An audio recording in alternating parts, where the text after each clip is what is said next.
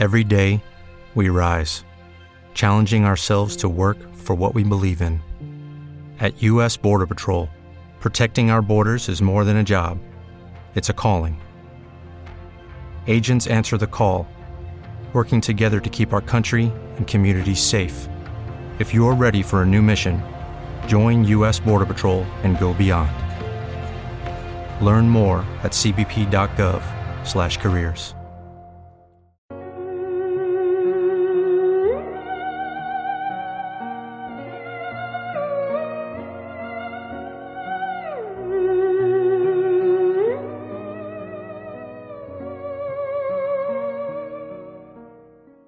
¿Soy una pringada? Sí, obvio, soy una pringada jefa. ¿Os acordáis del casting ese que os dije hace un par de semanas que me ha ido como el orto?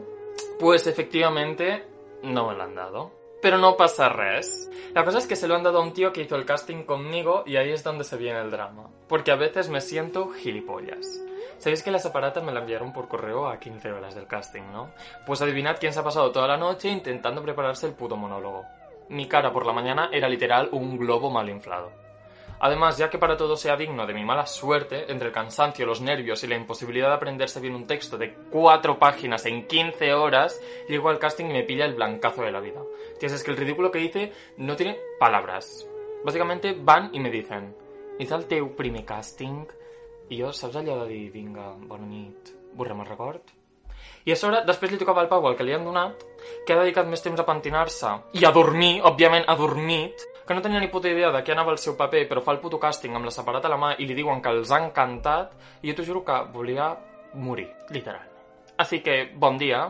Me siento idiota de nuevo porque no sé por qué me preparo a tope para hacer el casting guay si luego me va a salir como el puto ojete. Así que a partir de ahora me voy a dedicar a puto sonreír. Cuando podáis me avisáis y nos llamamos. Yo de momento me voy a la llorería.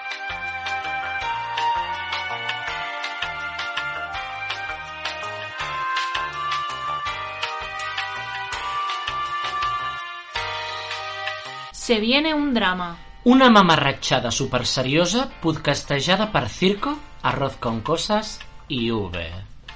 Capítulo 3.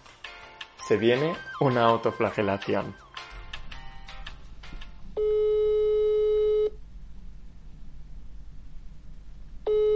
Oli. Com estàs, amor? No ha estat culpa teva. Oli. A ver. T'he fet una pregunta. Ah, sí? Com estàs, amor? No ha estat culpa teva? Sí, t'he fet una pregunta, amor. Pues no, vull dir, estic... Estic, o sigui, estic ara bastant millor que abans, o sigui, dir. Se nota. Se nota muchísimo. Pero muchísimo, vaya. Te No, digo, amiga, date serio. cuenta. Que no, que... A ver, antes yo estaba saliendo del casting casi llorando y ahora pues estoy normal. Antes estabas para la llorería y ahora estabas para la funeraria. Te digo. No estoy para la funeraria, estoy bien. Me alegro. A ver, ¿cómo te sientes? A ver, simplemente me siento defraudada. ¿Por qué? Pero, Me siento defraudada porque creo que me autoexijo demasiado para luego no tener los resultados que deseo. Y a veces encuentro que esta auto- autoexigencia que, auto, que auto me impongo es poco productiva. Pero es una cosa que me pasa con muchas cosas y que a veces pues no sé controlar, pero la tengo. Tengo una autoexigencia que a veces pues está ahí. Entonces, es lo que ha pasado esta vez y mm, más que rabioso, más que triste, bueno, sí, es que estoy rabioso, estoy rabioso conmigo misma. Ya está.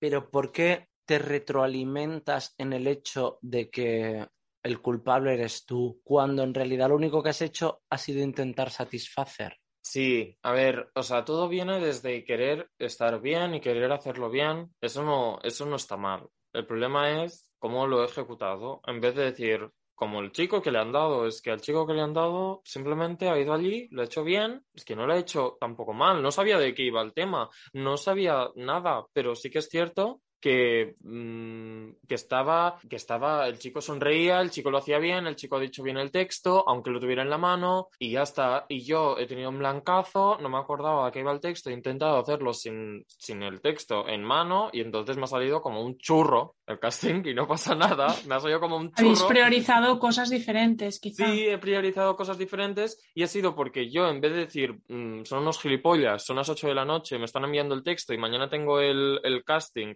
a las 10 de la mañana, en vez de decir eso, pues ya está. Además que, es decir, la perfección es una cosa que es una cosa súper relativa. Yo para mí quería hacerlo todo perfecto, sin texto, pensando qué es lo que ellos querían y el chico o el otro pues lo ha interpretado mejor lo que querían ellos y entonces para ellos la perfección supongo que era estar fresco, divertido, em, Alegría, Caris. A es que. ¿qué es ser perfecto? Perfecto. ¿Qué es eso? ¿Qué es esa extraña y antipática cosa? La Pues perfección no es hay una, una mierda. perfección hegemónica. La O sea, per- es que Mira, Es te digo una cosa, Arroz. Circo, que está aquí, acaba de decir, acaba de sentenciar. La perfección es una mierda. Seguid. Pero no, no, Arroz está diciendo una cosa y quiero escucharla. No, o sea, he dicho que no hay una perfección hegemónica, que es algo subjetivo, Total. que Total. depende de cada uno, de su, de su sistema de creencias y de valores, ¿no?